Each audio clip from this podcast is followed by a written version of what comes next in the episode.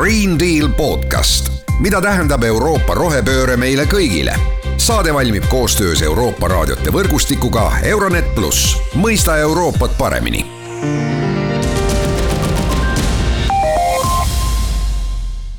tere, head Green Deal taskuhäälingu kuulajad, mina saatejuht Mart Valner ja tänaseks teemaks on äh, suuremas või äh, vähemas vaates kliimaränne ja see, mis äh, Euroopas, kui me vaatame Euroopa demograafilist olukorda, võib lähiajal muutuda suuresti tänu just kliimamuutustele. ja mul on hea meel, et minuga on seda teemat avamas Meelis Niine, MTÜ Mondo rändeekspert, Meelis, tere päevast kõigepealt! tere päevast! Alustame võib-olla mõistetest, ränne kui selline on meie jaoks äh, suuresti mõistetav, aga samas ma saan aru, et definitsiooni põhjal siiski nagu äh, tihtipeale ka valesti mõistetav, kui me räägime rändest millest tulenevalt kas kliimarändest, siis me ei räägi ainult nendest inimestest, kes liiguvad ju ühest äh, riigist äh, teise või noh, eurooplaste vaates äh, kuskilt üle Vahemere meie juurde, eks ole, vaid äh, ränne ja kliimaränne algavad ju eelkõige koha peal ja väikeste distantsidega ja siis nii-öelda doominoefektina toob üks asi kaasa teise, on mul õigus? absoluutselt, enamik maailma rändest tegelikult ongi ju siseränne, et rännatakse oma riigi piires. ja kui me räägime sundrändest, räägime siin inimestest, kes on sunnitud kas sõdade, konfliktide, tagakiusamiste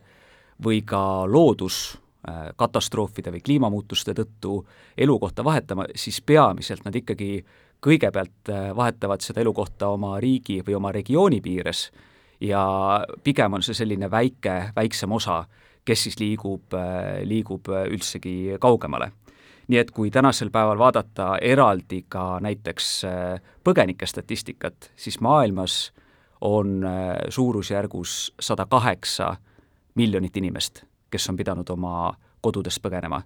Nendest kuuskümmend kaks miljonit on ikkagi pigem, on, on siseriiklikud, ehk nad on leidnud turvalise äh,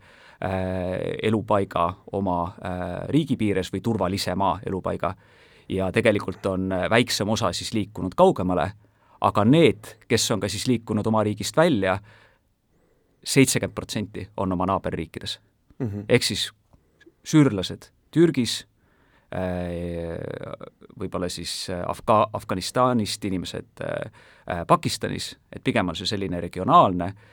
mm, ja Euroopasse laias laastus ikkagi jõuab väiksem osa põgenikest mm. -hmm. no äh, jällegi veel, veel sinna juur, juurte juurde ja tagasi minna ja rääkides äh,, enne kui me jõuame selle juurde, mis, mis ja kes Euroopasse jõuavad, siis kliimamuutused põhjustavad rännet ja kliimaränne kui üldse mõistena, mis ja miks? Kliimaränne tegelikult, eh, eks ta ei ole nagu juriidiliselt kuidagi eh, defineeritud. et laias laastus, millest me räägime, me räägime sellest, et keskmine temperatuur maailmas tõuseb, seda on teada, eh, need prognoosid on erinevad, võimalik, et kaks tuhat viiskümmend aastaks me räägime üks koma viis kraadi kõrgem tööstusrevolutsiooni eelsest tasemest, sajandi lõpuks võib-olla lausa kolm kraadi, see tähendab seda, et meil on äh, veepuudust rohkem, meil on äh, samal ajal äh, rohkem ka üleujutusi, ekstreemseid ilmastikutingimusi ja see tähendab, et inimesed peavad sageli vahetama oma elupaika, sest nad ei saa jätkata seal, kus nad on harjunud ja, ja tahaksid tegelikult, tahaksid tegelikult olla. ja kui me vaatame täna maailma niimoodi laiemalt, siis kuskil kolm koma neli miljardit inimest, kes elavad äh, ekvaatori lähistel, siis äh, nii Aafrikas, mm, Aasias, Ladina ja lõu-, tähendab äh, Lõuna-Ameerikas, Kesk-Ameerikas, äh, see on väga suur hulk inimesi, kelle puhul me näeme, et nemad on haavatavad kliimamuutustele kõige enam. ja sageli just nimelt sellistes piirkondades on ka kõige vähem ressursse, et nende kliimamuutustega silmitsi seista ja kuidagi püüda nendega kohaneda et eh, see, kui palju meil nüüd kliimarändureid tulevikus olema saab, on eh, väga raskesti hinnatav. et, et eh, seda tänasel päeval ei teata, aga need prognoosid on kusagil kahesaja kuueteistkümnest miljonist aastal kaks tuhat viiskümmend kuni miljardi inimeseni aastal kaks tuhat viiskümmend. Aga rõhutan, et need ei ole kindlasti valdavalt rahvusvahelised rändajad, vaid pigem ikkagi inimesed, kes oma riigi piires siis otsivad paremat võimalust mm. -hmm. aga mida need kliimamuutused siis seal sees, mida see poolteist kraadi tähendab, see tähendab seda, et äh, või, või kust see doominoefekt pihta hakkab? näiteks kui me toome sellise riigi näite nagu äh, Bangladesh, siis Bangladeshis on äh,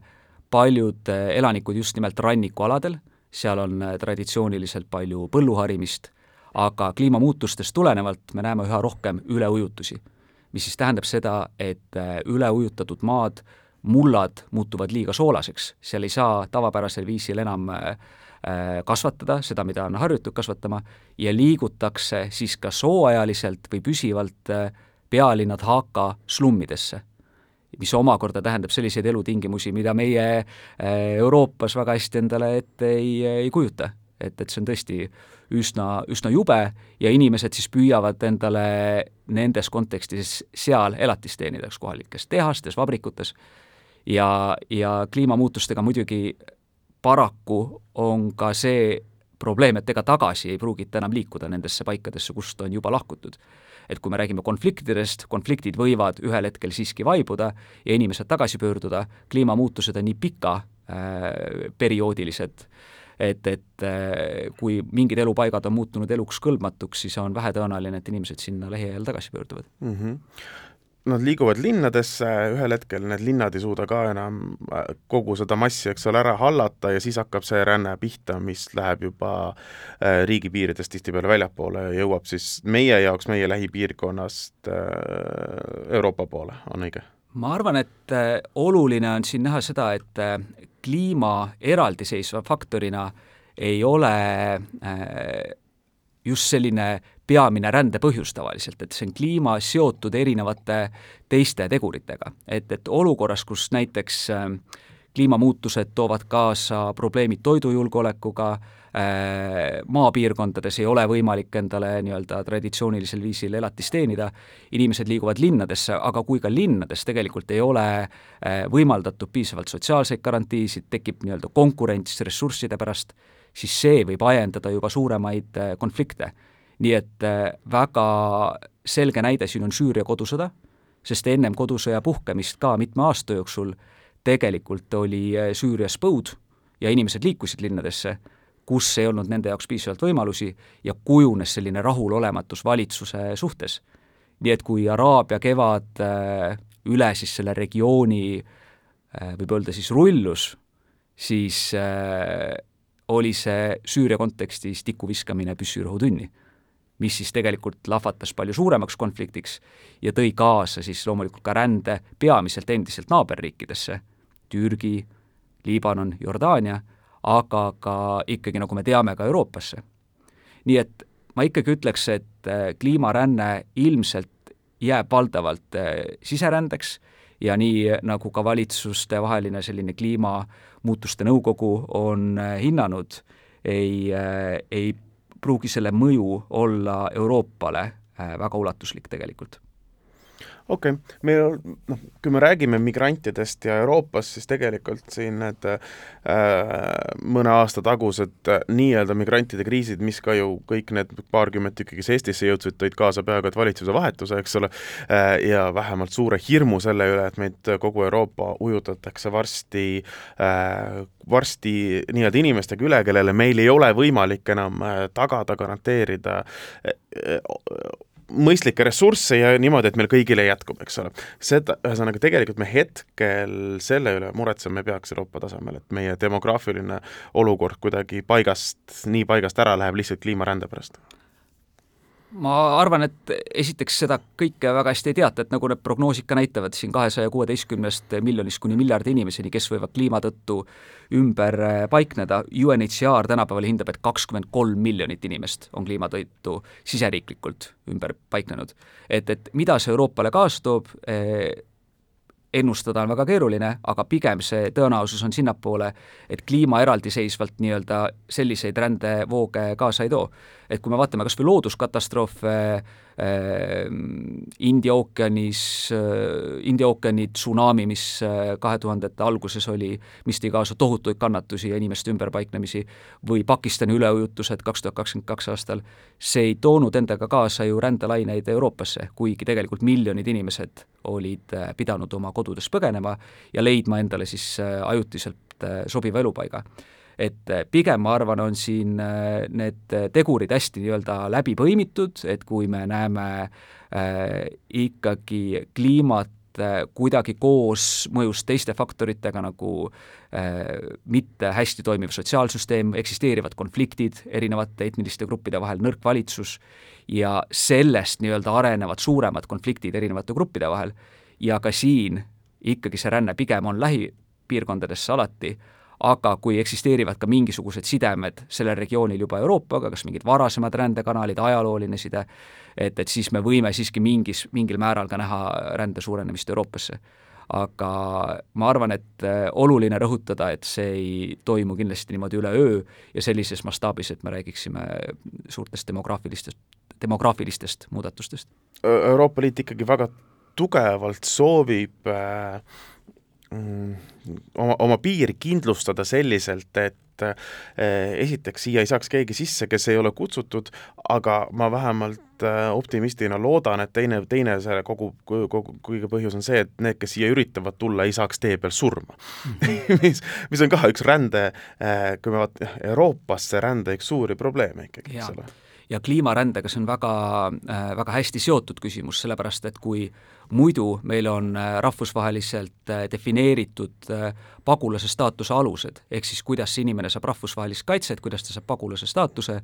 on juhul, kui temal on põhjendatud tagakiusu kartus tema rassi, rahvuse, usu, sotsiaalsesse gruppi kuulumise või poliitiliste vaadete tõttu. nüüd kliima ja kliima tõttu nii-öelda kodumaalt äh, lahkumine ei ole alus rahvusvahelisele kaitsele. see tähendab, et meil puudub selline rahvusvaheline juriidiline mehhanism, mille alusel me kaitseme inimesi, kes on äh, kliima tõttu oma kodudest äh, lahkunud. Ja samuti ka Euroopa direktiivides, määrustes, mis varjupaiga valdkonda siis reguleerivad, ei ole samuti kliimaränne eraldi, eraldi kuidagi välja toodud. ja Euroopas on tegelikult Itaalia ainukene riik, kellel on seaduses äh, ja, ja ka praktikas äh, nõnda, et inimesed, kes looduskatastroofide eest äh, pagevad, saavad endale siis ka kaitse. See on mõnede teiste riikide seadusandluses humanitaarkaitse all samuti võimald-, võimaldatud, aga sellist laia praktikat ei ole, et meil puudub selline rahvusvaheline, rahvusvaheline konsensus. aga siin on üks väga huvitav näide üsna hiljutisest ajast, kui ÜRO Inimõiguste Komitee tegi väga sellise huvitava otsuse, et ÜRO komi-, Inimõiguste Komitee on ÜRO selline ütleme, allosa, mis vaatab läbi inimeste kaebused, kui see puudutab näiteks inimõiguste rikkumisi. ja nende otsused ei ole nüüd juriidiliselt siduvad, aga nad on selline väga tõsine märguanne riikidele poliitiliselt ka tegeleda nende teemadega, nii et neid võetakse alati väga tõsiselt ja Inimõiguste Komitee tegi ühe Kiribati elaniku suhtes otsuse, kes heitis ette, et tema ei saa kaitset sellepärast, et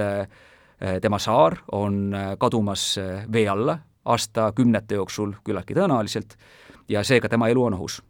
nüüd komitee leidis, et see äh, hirm ei olnud praegu veel põhjendatud, sest inimene hetkel, tema elu ei ole ohus. et, et ta ei saa, et, et, et ta ei peaks saama seda kaitset mm. -hmm aga nad leidsid, et olukorras, kus päriselt on inimese elu ohus kliimamuutuste tõttu, riigid peaksid seda kaitset andma. ja nüüd see ei ole, eks ole, juriidiliselt siduv selline äh, nõue, aga see ajendas paljudes riikides ka sellist äh, arutelu, et, et kuidas ikkagi leida äh, selliseid äh, aluseid, viise, et kliimamigrante ikkagi kaitsta. see on, ma saan aru, et see ongi hästi keeruline, sellepärast et äh, kliima muu-, noh, kliimamuutus kui selline ise ei ole see nii-öelda ju äh, nagu, nagu ka paljud teadlased üritasid selgeks teha, et see, see ilm, mis meil on praegu väljas, ei ole ju kliimamuutus, eks ole. see, kui sul on tihendatud tormid ja üle päeva orkaan, äh, et noh, et see, see tuleneb sellest, aga et, et kliimamuutus ise ei ujuta sind üle yeah. ta toob kaasa lihtsalt rohkem üleujutusi, eks ole yeah. yeah.. et ma saan aru, miks on juriidiliselt väga raske seda, seda, seda, äh, seda, seda paika panna, eks ole, et mis hetkel see kliimamuutused on siis mõjutanud maailma nii hullusti, et et et inimelusid on rohkem ohus tänu sellele, kui me räägime tegelikult, erinevad uuringud toovad välja, kui palju inimesi kliimamuutuste tagajärje tõttu sureb juba praegu iga aasta, eks ole, mida, mis on ikkagi sa-, noh, kümned tuhanded põhimõtteliselt mm, -hmm. rohkem kui võiks. Äh, kui me korraks, tekkis hoopis selline küsimus ka, kas me, me rääkisime see suvi ja eelmine suvi ka Euroopas väga palju sellest, et meil on äärmiselt kuumad suved, meil on äh, kuumalained äh,, pensionäride tervis kannatab ja nii edasi, ka noorte inimeste, ka teiste inimeste loomulikult, see toob lihtsalt palju välja, Lõuna-Euroopa riikides on liigsurmad, kas me räägime, kas meil on praegu võimalik rääkida Euroopa-sisesest äh, sellisest rändest ka juba seetõttu? praegu minule teadaolevalt pigem mitte sellisel määral, et, et meil on pigem selline elustiiliränne Euroopas olnud levinud, mille kaudu Põhja-Euroopast rännatakse äh, talvel sinna, kus on veidikene soojem. et seda nüüd selle, selles samas mõttes kliimarändeks on keeruline pidada, et et see on pigem selline elustiili ja, ja, ja valikute, valikute küsimus. aga loomulikult, et kui me näeme Lõuna-Euroopas üha enam äh, tulekahjusid, metsatulekahjusid, äh, Kesk-Euroopas ka üleujutusi, et äh, kindlasti inimesed peavad oma kodudest ja piirkondadest sellisel puhul lahkuma, jällegi pigem on see ikkagi siseriiklik. sest ränne on üldiselt äh,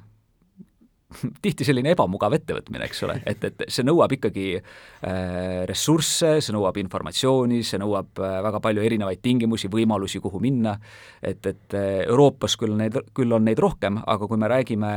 maailma sellistest äh, keerulisematest piirkondadest, nagu näiteks äh, Aafrikas Saheli piirkond, kus äh, me näeme, et järgmise paarikümne aasta jooksul elanikkond on kahekordistumas, samas muldade viljakus on seal langenud kolmkümmend, nelikümmend protsenti,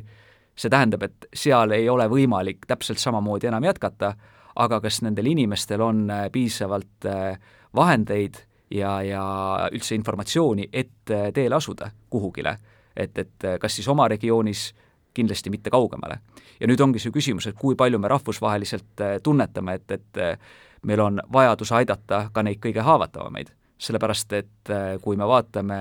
süsiniku jalajälge, siis meie jalajälg siin Euroopas võrreldes näiteks Uganda elanikuga on äh, oluliselt äh, kõrgem. ehk siin on minu meelest ka küsimus eetikas natukene. kui Lähis-Idas peaks toimuma veel ulatuslikum konflikt, kui see oli Süüria sõda, siis kindlasti see tähendab Euroopale,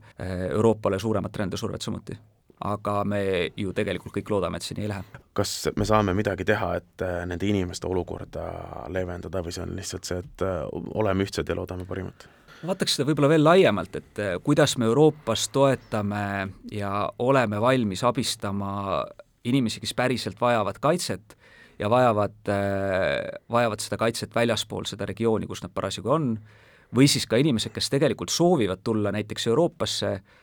ka tööle, elatist teenima, aga see ei ole neil võimalik, sellepärast et neil puuduvad siin ma ei tea, vastav tööandja, kes neid oleks kutsunud ja nii edasi, ehk siis nad äh, on potentsiaalsed inimkaubitsejate teenuste kasutajad, mida me ka ei soovi näha.